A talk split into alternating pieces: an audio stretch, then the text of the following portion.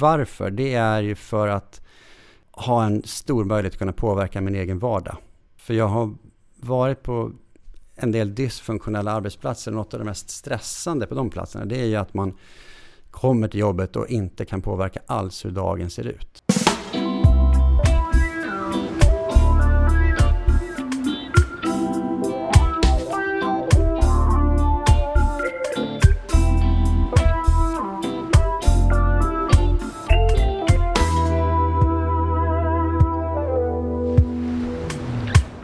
Undersökning från Läkarförbundet så vill läkare gärna bli chefer. Men många menar att arbetsbördan är orimlig och att lönen kanske inte motsvarar insatsen.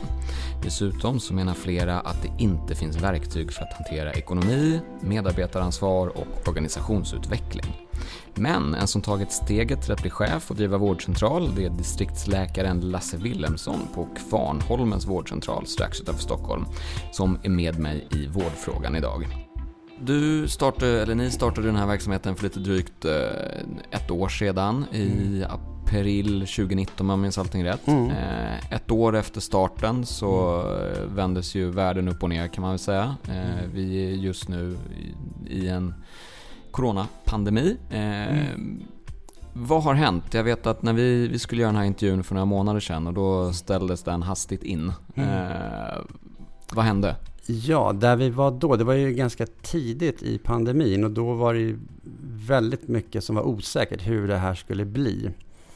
Eh, och Region Stockholm försökte då organisera sig för olika scenarier och det som vi fick i uppdrag det var ju att organisera oss för ett eh, riktigt sånt worst case scenario. Mm. Där det då skulle bli så i det här scenariot då att, eh, att IVA-platserna skulle vara fulla på sjukhusen så man skulle vara tvungen att flytta patienter som kanske var IVA-mässiga till vanliga vårdavdelningar.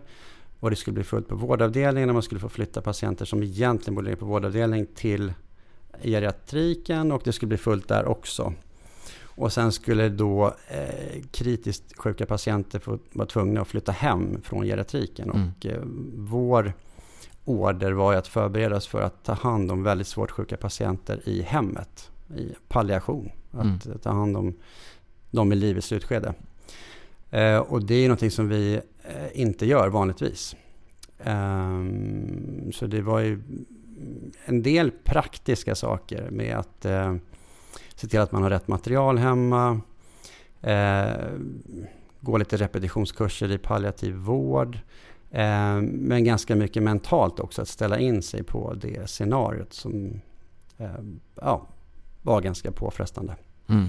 Så det var ju väldigt mycket just då. Mm. Eh, sen har ju vi inte kommit i närheten av det scenariot. Eh, nu med facit i hand så här en, en, en och en halv månad senare. Mm.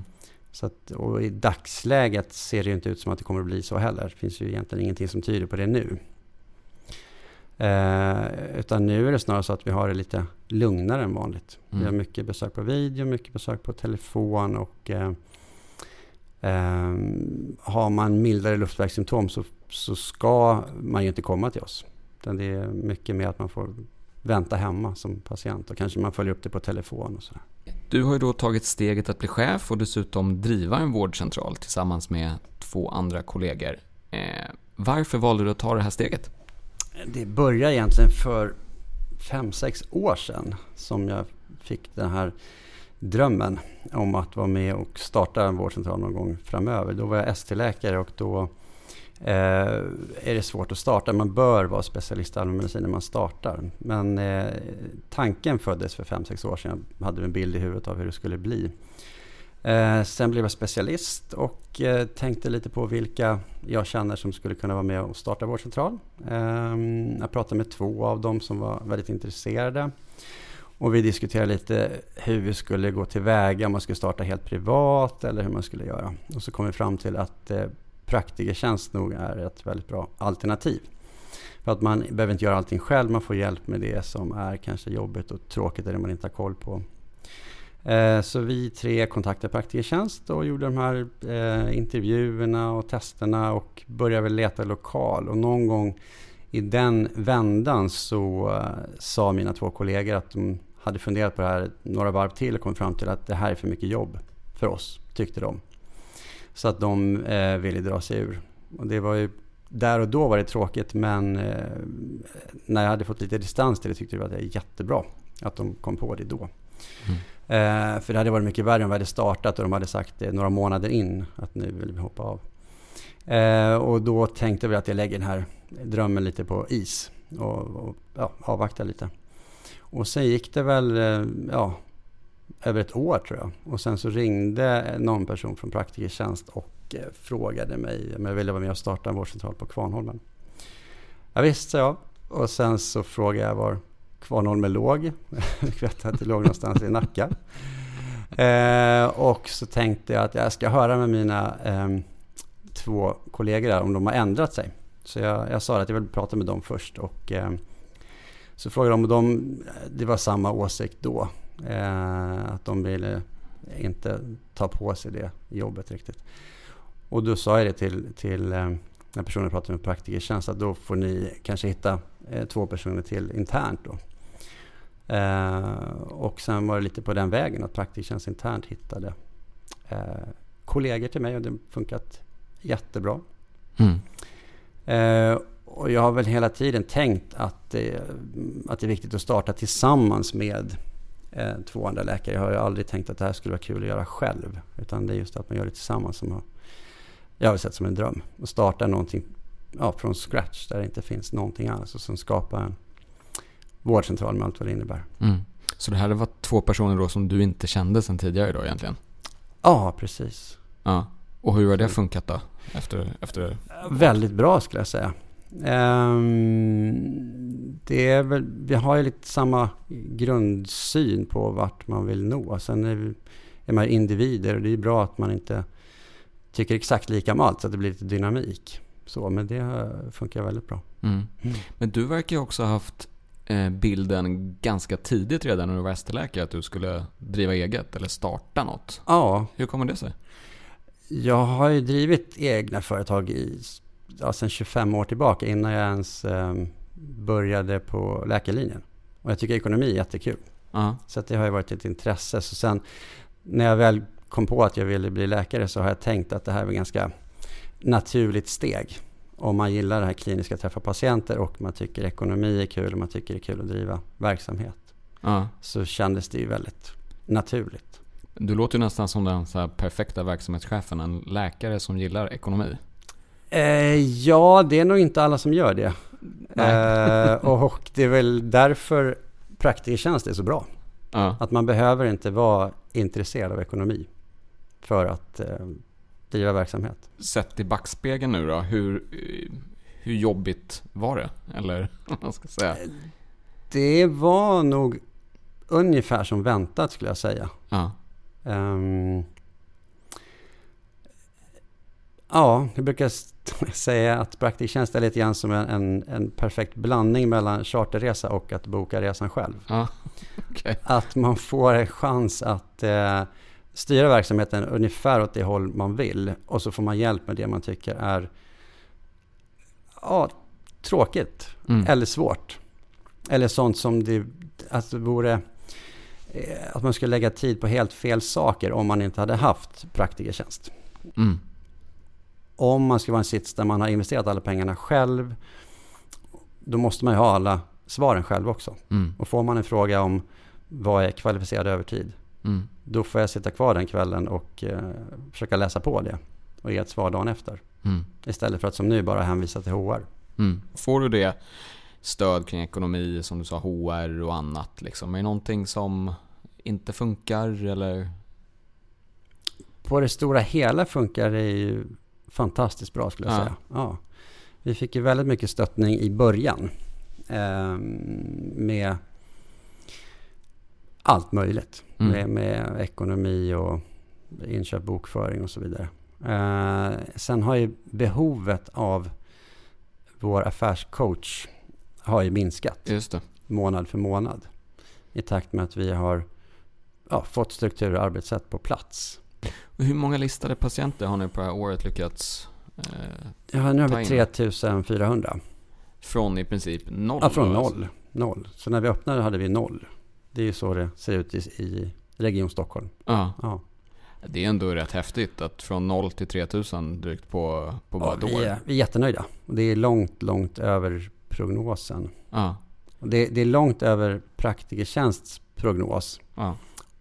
Och så här i efterhand kan jag säga att vi, vi läget hade väl en liten egen prognos. Vi trodde inte riktigt att det kunde bli så bra som Praktikertjänsts prognos. Men det blev ju bättre än båda Ja. till slut. Så det är jätteroligt. Hur, har ni, hur har patienterna hittat er då? Vad, vad har ni lyckats med där? Är det mun till mun eller vad? Ja, nu är det ju det. I Ja. början går ju det av naturliga skäl inte alls. Eh, så då gjorde vi utskick eh, per brev. Och vi har en ja, Facebook-grupp. Eh, grupp. Mm. Ehm, men ganska snabbt börjar det bli mun till mun. När ni startade vårdcentralen där så var det ju, ni var ju direkt på det här med digitala videomöten. Eh, Mm. Det var väl i princip från start. Ja. Eh, varför var det en självklarhet? Dels är det intressant att testa och se hur det skulle fungera och också få en möjlighet att, själv, att själva kunna välja vad tror vi passar för video och vad passar bäst för fysiska besök. Eh, sen är det ju en väldigt tydlig trend att det går mot mycket video. Ehm, och det finns väl en del avarter med det, de här nätläkarna som kör allt på video. Och det ska vi nog inte fördjupa oss i, men det har ju precis blivit klart nu att Kry kommer att starta tio vårdcentraler i Stockholm. Mm. Vilket blir intressant att se hur de tänker sig det, vilket upplägg de har. Men, eh, men den trenden är ju tydlig från politiskt håll att man vill se mer och mer digitala lösningar, bland annat video. Så att eh, det var ett ganska enkelt beslut att Mm. hoppa på det. Och hur upplever eh, patienter och medarbetare eh, digitala vårdmöten, känner du så här efter ett år? Eh, ja, en, en stor fördel och något som vi var nyfikna på det är hur det skulle funka för sköterskorna i telefon. När de har dels telefon och dels kan eh, ha en digital chattkontakt med patienterna. Och vår förhoppning var ju att chatten skulle avlasta i telefon. Eh, och så har det blivit till ganska stor del. Vi har ju fortfarande kvar en hel del på telefon men, men chatten avlastar en hel del. Sen finns det en del saker som inte lämpar sig så bra för chatt heller. Men det är sånt man liksom lär sig i efterhand. Mm. Mm. Och vad är det då exempelvis? Eh, till exempel om en patient söker med, med ett symptom på chatten så kan det bli väldigt långa chattkonversationer som drar ut väldigt mycket på tiden. Att det kan hålla på en dag eller två dagar. Sånt som kanske skulle tagit tio minuter vid ett fysiskt besök. Mm. Men det är ju också en, en inlärningskurva då när man lär sig att kanske att man tidigare bestämmer sig för att Nej, men nu måste du komma hit. Mm. Istället för att man sitter två, tre dagar och, och chattar. Och hur upplever patienterna här? Har, du fått, har ni fått någon feedback? Ja, de tycker att det är väldigt positivt. Eh, jag tror att patienter ganska många år har förväntat sig mer eh, digitala lösningar från vården än vad vården har levererat. Mm. Det är ju inte att säga för mycket. Nej. Så är det ju. Personligen tycker jag den absolut största fördelen med, med den digitala tjänsten är att eh, jag skickar mm, provsvar, röntgensvar på det sättet. Ehm, för annars har man oftast alternativet att man ringer eller skickar brev. Mm. Och jag har tidigare skickat brev men det finns många nackdelar med det. Att det tar tid, alla brev kommer inte fram. Det kanske blir någon följdfråga man har som patient när man får brevet. Och då sitter man där hemma med ett papper i handen. Mm. Eh, telefon funkar ju bra om alla svarar jämt. Men det kan ju också vara en, en nackdel om man behöver ringa flera gånger. Mm. Så då tycker jag det är väldigt skönt att man skriver ett meddelande som patienten läser när det passar dem. Och har de sen någon följdfråga så kan de ställa den till mig. Och de följdfrågorna är oftast väldigt enkla. Mm. Så att det blir väldigt smidigt. Ni rankas ju på topp 10 om jag minns rätt. Nej, plats 12. Nu rättar jag mig själv. Oh. I, I riket. Topp 1 i Nacka va? Ja, det stämmer. På bara ett år. Mm. Varför då? Hur har ni lyckats nå så snabba resultat? Det väldigt korta svaret är ju medarbetarna. Ja. Och vad är ni gör rätt eller vad är de gör rätt? Vi har väldigt bra medarbetare. Det, Ja. det, det är ju, dels är det någonting väldigt positivt med det. Men det är också det att har man väldigt bra medarbetare så behöver man inte lägga eh, tid på fel saker. Det tror jag också är någonting som... Det är, det är mycket som inte har hänt också på vårdcentralen. Vi har inte haft strul av olika eh, eh, orsaker. så. Trevligt bemötande, bra medicinsk kompetens. Eh, det är det som patienterna märker. Mm. Och det är det de sätter betyg på delvis också. Hur, hur man blir bemött. Man blir bemött med respekt och ja, om det är trevligt när man kommer dit och, och, och så vidare. Mm. Så att eh, medarbetarna, det, mm. det är det. Mm. Jag, jag, tänker också, en sak som jag slås av när jag läser de här nationella patientenkäterna är ju att eh, i, i toppen, topp 10 eller topp 20 eller vad det kan vara, så är det ju en övervikt av privata vårdgivare. Många lite mindre vårdcentraler, oftast mm. professionsdrivna som ju eh, mm. Kvarnholmen är. Mm. Vad tror du det har för roll i, i det här betyget? Ja, det för mig är ju väldigt självklart. Nästan, nästan svårt att svara på för att det är så självklart. Um, man har ett helt, helt annat engagemang när man, är, eh, när man känner sig delaktig i verksamheten. Mm. Um, och jag tror storleken också är viktig. Att det inte blir för stort. Vi mm. har ju också en tanke där att vi vill inte bli för stora. Nej. Hur, vad är storleken idag? Uh, nu är vi nio, nio medarbetare. medarbetare. Ja. Och, och vi kommer ju att bli fler. Uh, men vi kommer inte att bli hur stora som helst för att vi vill inte det. För att det blir svårhanterligt. Det blir, det blir, det blir som en helt annan känsla i gruppen. Man kanske behöver ha någon mellanchef och mm. ja, det är svårt att se alla medarbetare om man är 30-40 stycken. Mm.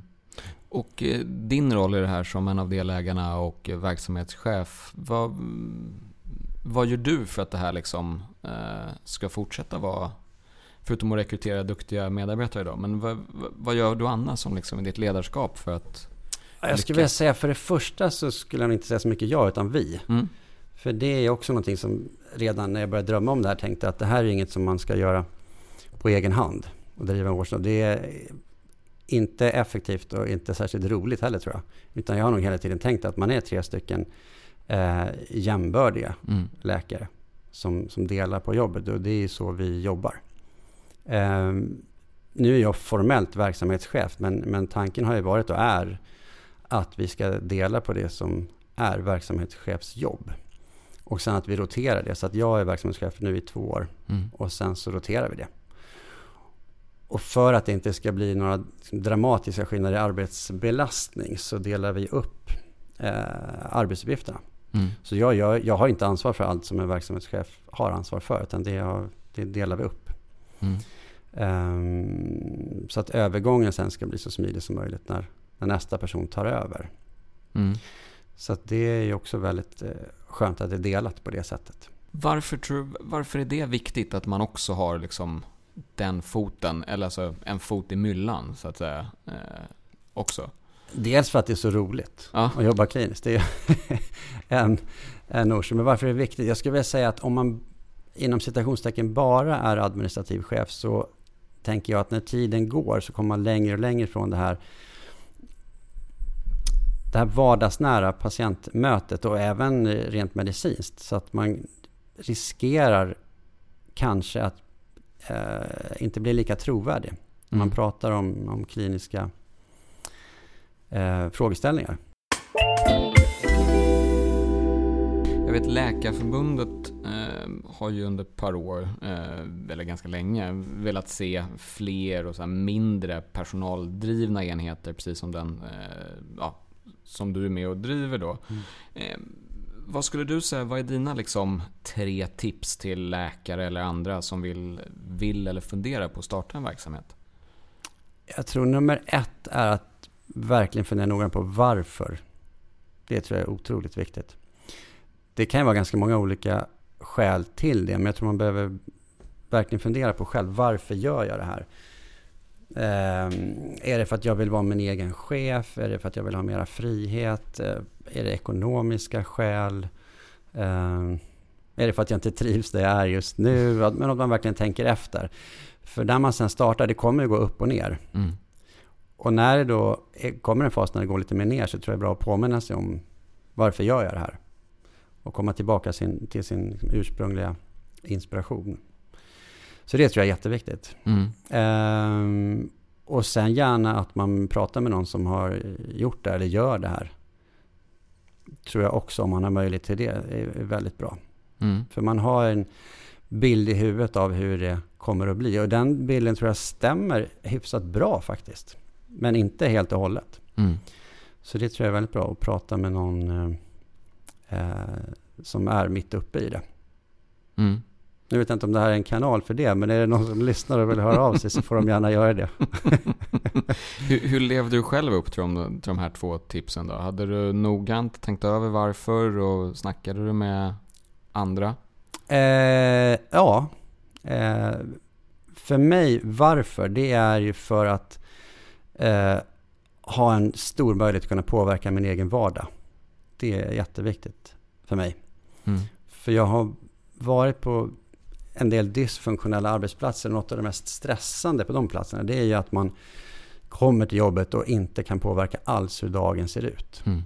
Och det kommer eh, input från väldigt många olika håll och många individer som bestämmer hur min dag ska se ut. Och blir inte det bra så är det en, en, stor eh, stressfaktor. Mm. Att det kanske bokas in saker på min lunch eller bokas in saker som inte är rimligt att boka in och eh, jag har inte någon bra möjlighet att påverka min dag. Mm. Eh, Medan nu kan vi ju påverka i väldigt stor utsträckning hur våra dagar ser ut och hur våra veckor ser ut. Så det är väldigt tillfredsställande. Mm. Och en annan sak som var ett, ett varför för mig, det var att man, man får äga sina egna problem. Eh, jobbar man på ett stort ställe med kanske dåligt ledarskap och det dyker upp ett problem så får man ju sitta på sin kammare och hoppas att någon där uppe löser det här på ett bra sätt. Eh, Medan nu dyker upp saker och sen så tittar vi på det gemensamt och, och löser det så gott vi kan. Vilket är också väldigt tillfredsställande. Lasse, eh, jag tror att jag har fått med mig det mesta här idag. Är det någonting jag har glömt? Någonting som det här måste vi prata om? Nej, men jag tänker att om man funderar på att starta eget så eh, ska man ju definitivt eh, utforska den idén en bra bit till och ta reda på mer. För det är väldigt, väldigt tillfredsställande och roligt. Mm. Och det är mycket jobb. Det kan vara en del jobb i början. Definitivt mycket jobb. Men vet man då vart man vill och varför man gör det eh, så blir det inte alls så betungande. Som om någon annan hade sagt åt en att nu, nu måste du starta. Har man valt det själv och vet varför man gör det så, så blir det roligt. Och med de visdomsorden så tackar jag dig Lasse för att du kom hit idag. Mm. Tack så mycket. Tack själv.